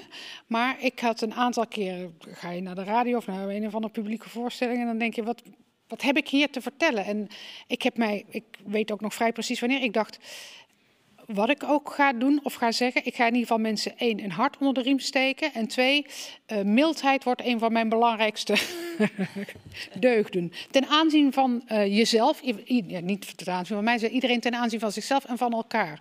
Want ik vond dat het uh, publieke debat zo onaangenaam werd en dat we het zo uh, onnodig uitvergroten. De hele tijd elkaar de maat gaan zitten nemen over die regels en strenger en niet en dan je kon er niet door de Albert Heijn lopen om ik vond dat er wat ontspanning moest komen in de onderlinge verhoudingen. En ik dacht, ik ga, dus ik ga niet meedoen aan het gekissenbis, dat is één. En twee, ik wil, ik wil iets verzinnen om mensen een hart onder de riem te steken. Dus ik heb heel vaak bijvoorbeeld stukken voorgelezen uit Camus, wat toch best een, nou ja, wat niet een heel somber boek is, alleen in ieder geval. Of, of ik heb, uh, die Acedia was eigenlijk ook een beetje bedoeld om te laten zien aan mensen van, ja, we worstelen met van allerlei problemen.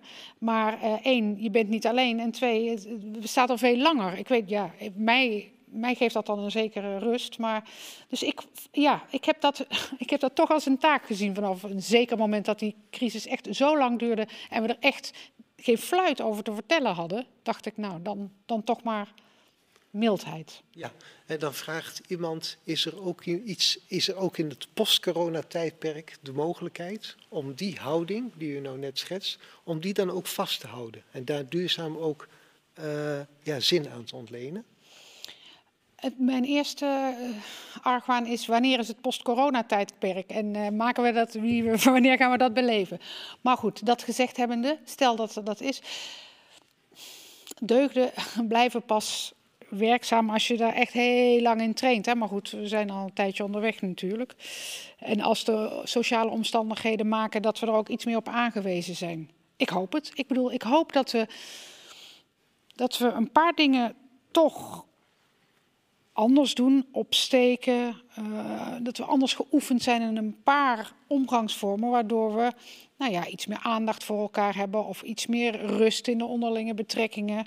Uh, iets lokaler, iets meer op onze plek blijven, op onze kom blijven zitten in plaats van allemaal naartoe te vliegen. Ik hoop wel, ik, ik ben daar optimistisch over. Ik, ik ga het gewoon zeggen. Ik kan het nu zeggen, toch? Ik heb die verantwoordelijkheid niet meer, Paul. Ja. Ik stel even de een vraag, uh, die komt van een van de vragenstellers uh, aan inderdaad Marlie Huijen, die het mooie boek Ritme heeft geschreven, al wat jaren geleden. Iemand vraagt, het is uh, druk, druk, druk tegenwoordig. Dan is er een verandering van tijdsbeleving door corona. Dat is ook wel even fijn voor mensen op een bepaalde manier. Een onderbreking van dat druk, druk, druk ritme.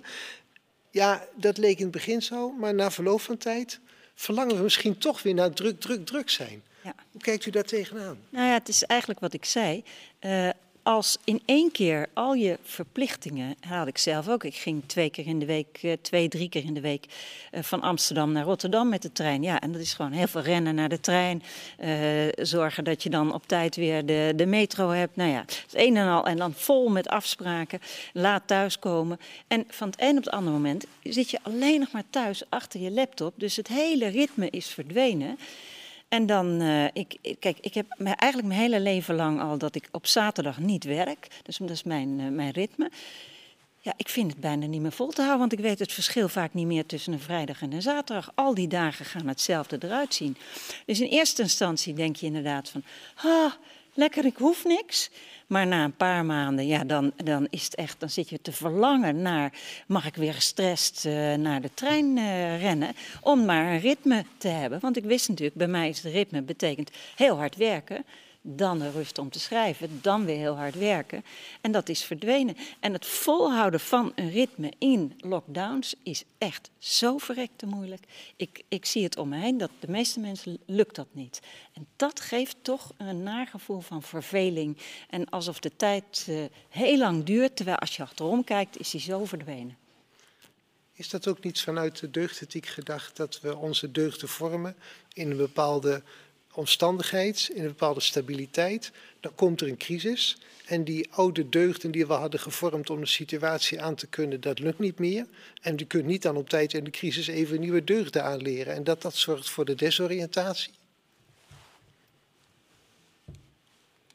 Ja, het is een. Deugden, dus deugden zijn houdingen. En, en houdingen die, uh, die, die worden heel langzaam maar zeker ingeslepen.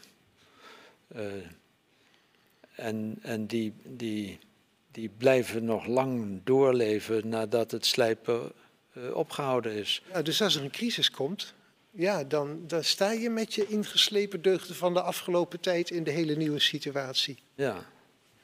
Ehm, maar ik denk dat nog sterker dat je ziet hoe, hoe onder druk van omstandigheden ook andere houdingen zich kunnen gaan inslijpen. Of hoe iets wat al aan het inslijpen was, uh, ineens heel sterk versterkt wordt door hè, dat, dat, ongeduld wat ik eerder noemde bijvoorbeeld.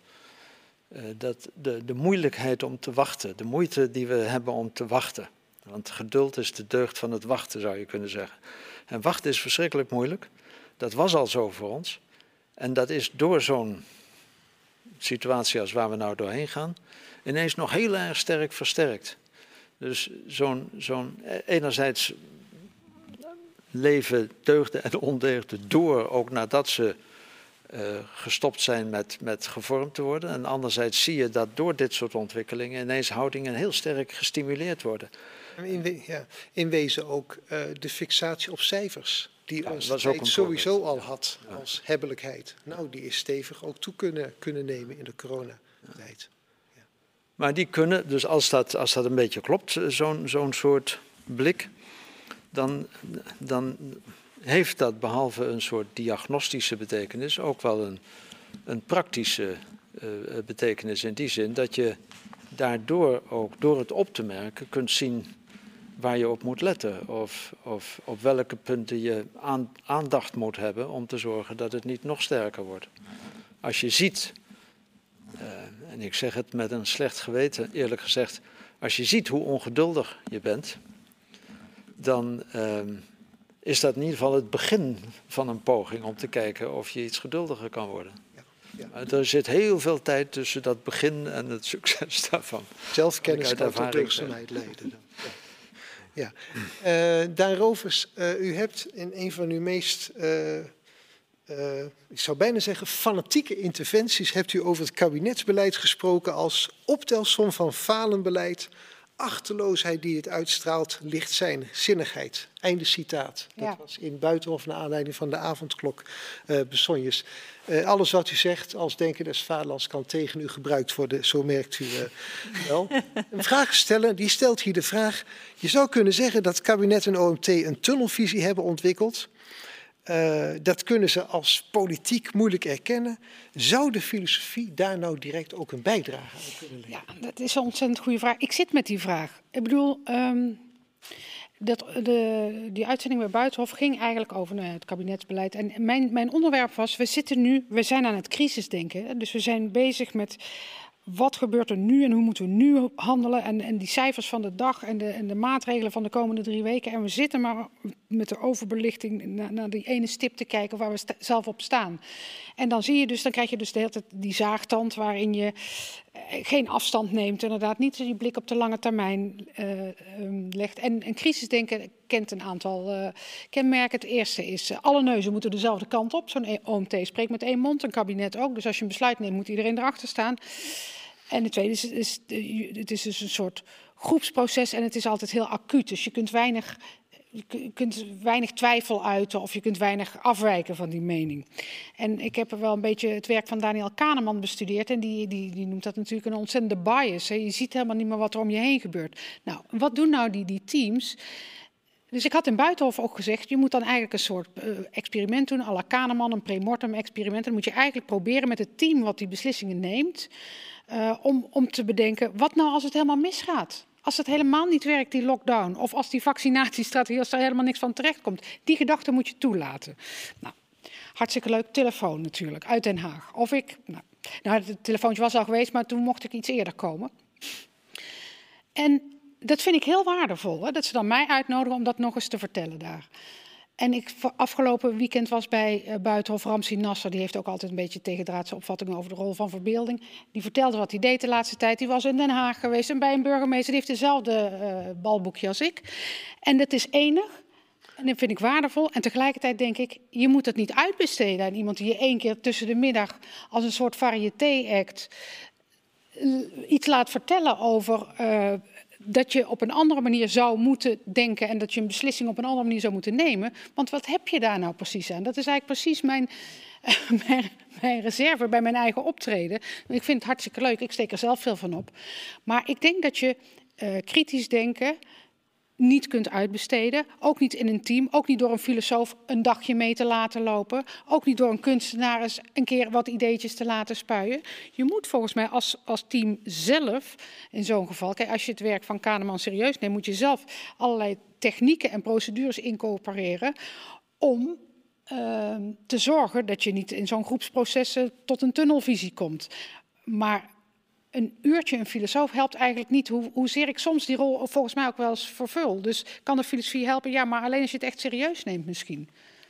Ja. Dat is mijn antwoord, ja, vrees Dus u zou eigenlijk aan de volgende denken willen zeggen... vraag aan mensen even vooraf of ze me serieus nemen. hoeveel tijd hebben ze? En hoeveel tijd uh, hebben ze? U gaat uh, sociaal-wetenschappelijke experimenten à la Kahneman... niet met groepen mensen aan, neem ik aan? Ik weet het niet. Ik moet kijken wat, wat er op mij afkomt. En ik ben, ik ben in eerste instantie bereid om van alles en nog wat te proberen. Maar, maar ik vermoed dat, dat ik dezelfde uh, ervaring zal opdoen als, als Daan nou weergeeft.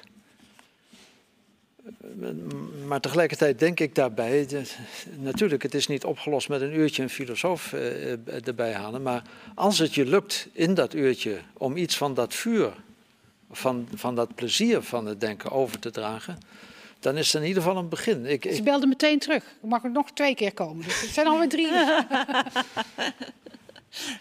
het, het gaat inderdaad om, om je zou het moeten kunnen brengen op een manier die aanstekelijk is. Je moet mensen inderdaad besmetten met het virus van de filosofie. Ja, en kan sociaal-wetenschappelijke kennis, want psychologen proberen mensen ook wel eens aan te steken. En het boek van Kahneman, dat passeert u de revue in het uh, boekje dat uh, recentelijk uh, door Mark van Dijk is, is geschreven.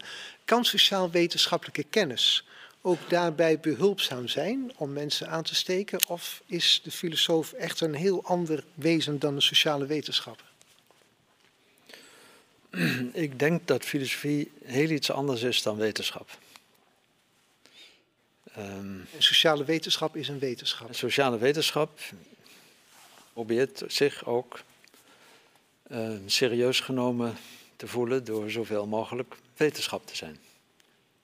En daar heeft de filosofie geen last van, door zoveel mogelijk serieus genomen te willen worden, door wetenschap te zijn. Nee, dus filosofie heeft, uh, loopt daardoor heel gauw het risico, wat jij ook noemde, dat je als de, het variété, variété act uh, in een feestprogramma wordt opgenomen of zo. Iets leuks met een filosoof. Ja. ja. Nou, dan kunnen ze mij bellen, Paul. Dat is niet een probleem. Dat lukt okay. nog wel even. Dankjewel. Uh, maar even het onderscheid tussen, tussen inderdaad, wat, wat maakt dan filosofie niet wetenschappelijk?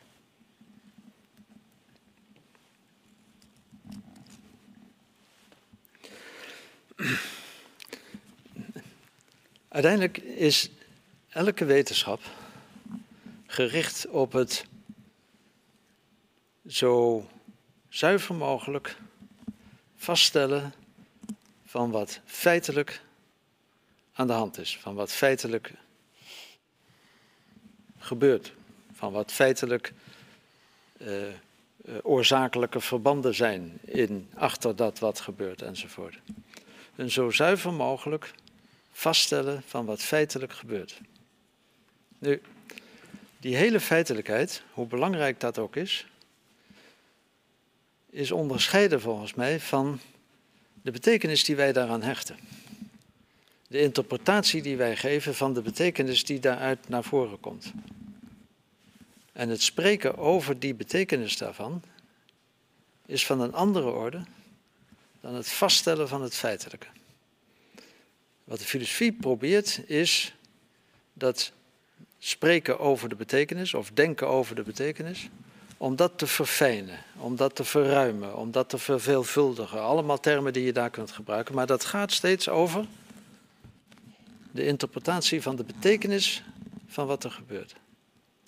En dat is iets anders dan het vaststellen van wat feitelijk het geval is. En natuurlijk weet ik wel dat wetenschappers ook altijd met interpretaties werken. Zo. Dus in feite loopt het altijd, in de werkelijkheid loopt het altijd een beetje door elkaar. Maar principieel is daar een belangrijk verschil volgens mij. En zoals de wetenschapper moet oppassen als die gaat filosoferen, zoals het dan ook genoemd wordt, Zo moet de filosoof denk ik oppassen als hij gaat doen alsof hij ook een heleboel kennis heeft die hij in zijn argumentatie gebruikt. Het is echt een, van verschillende orde, die twee. Dank hiervoor. Marlie Huijer, wil hier vast op reageren? Ja, ik zou zeggen, het is een hele moderne opvatting van wat uh, wetenschap is. Een van jouw uh, favoriete filosofen, Aristoteles, deed natuurlijk ook feitelijk aan biologie, aan uh, het onderzoeken van, van de slaap, van voeding. nou ja, je kan het zo gek niet bedenken. De filosofie is natuurlijk heel lang de moeder van alle wetenschappen geweest. En pas uh, met de opkomst van de moderniteit heb je inderdaad dat uh, zeker wetenschap een soort natuurwetenschappelijke basis heeft gekregen. En dat je dan daarnaast de menswetenschappen, uh, de economie, de biologie krijgt. En die hele specifieke wetenschap die gericht is op het verwerven van kennis. En dat via empirische methodes. Um, dat de filosofie nog altijd onderdeel is van de academie. En niet alleen in Nederland, maar internationaal in tal van landen is de filosofie gewoon een wetenschappelijke discipline. Gelukkig komt omdat het ook een onderdeel van de wetenschap is om een discipline te hebben die reflecteert op datgene wat er in de wetenschap gebeurt, wat er in de wereld uh, gebeurt. En dat is onderdeel van de wetenschap. Daar ben ik eigenlijk ook heel blij mee. Ik zou die, die scherp, dat scherpe onderscheid wat jij maakt tussen kennis, cijfers, empirisch onderzoek en anderzijds de filosofie, zou ik veel minder scherp maken. Ook omdat er heel veel filosofen zijn die multidisciplinair werken, die bij wijze van spreken in het ziekenhuis naast de arts staan en zeggen van uh, de triage moet je zo uitvoeren, die dus heel veel weten van het vakgebied en van daaruit ook uh, en vanuit allerlei filosofische theorieën adviezen kunnen geven. En dan bovendien denk ik van is het heel belangrijk dat een filosoof niet achterover leunt in zijn leunstoel en naar die wereld kijkt, dat een beetje analyseert, maar dat hij ook in de werkelijkheid toetst wat die theorieën uh, feitelijk doen? Zijn ze wel houdbaar in de praktijk? En bovendien kan, is het niet zo dat er uit die praktijk ook weer een heleboel theorieën komen. Dat misschien zelfs de praktijk wel de beste theorie is. Dus ik vind dat die onderscheidingen die je maakt, dat die veel te veel gericht zijn op een uitzuivering van een soort zuivere filosofie die je vanuit je leunstoel zou kunnen beoefenen. En ik, in die zin denk ik dat wij ook echt andersoortige filosofen zijn, wat hoort bij de filosofie, maar dat, dat het wel hele andere stijlen zijn die wat mij betreft ook gerust naast elkaar kunnen bestaan. U hebt daar straks als voorzitter van de stichting aangegeven dat jullie heel verschillende denkers, denkers des vaderlands benoemen. En u bewijst dat nu wel zeer nadrukkelijk door het heel erg niet eens te zijn met een andere denker. Heel ik, mooi ik zo. Ben, ik ben even geen voorzitter nu, hè? Ik ben gewoon, en zelfs ex-denker. Precies, en van die meningsverschillen leeft de filosofie ook. Paul van Tonger wil hier vast op reageren, maar daar heeft hij twee jaar de tijd voor. Ik stel voor dat we Daan Rovers... Ik stel voor dat wij daarover als laatste nog even het woord geven over dat spanningsveld dat hier net op tafel lag. En dan moeten we helaas naar de afsluiting van de avond. Maar ieder van deze drie zullen we nog vaker kunnen terugzien de komende tijd. Daan? Nou, heel kort. Ik, vind het, ik hanteer ook graag het onderscheid tussen... Uh, uh, laten we zeggen, wetenschap, weten en denken en dat dat iets anders is. En tegelijkertijd is het natuurlijk zo simpel niet. Het mooiste voorbeeld vind ik altijd Bruno Latour, inderdaad, hij is al eerder genoemd. Uh, we, moeten, we weten in de filosofie toch inmiddels ook wel dat cijfers nooit zomaar cijfers zijn en interpretaties nooit zonder enige kennis, uh, voorgegeven kennis... Um, uh, gestuurd worden. Dus ik denk eigenlijk dat, dat dit ook nog weer veel complexer is dan we denken. En eigenlijk het belangrijkste wat ik wil zeggen als laatste is... Paul van Tongeren heel veel succes en ook heel veel plezier wensen de komende twee jaar. En ik wens ons ook heel veel plezier om te luisteren naar wat jij ons allemaal gaat vertellen.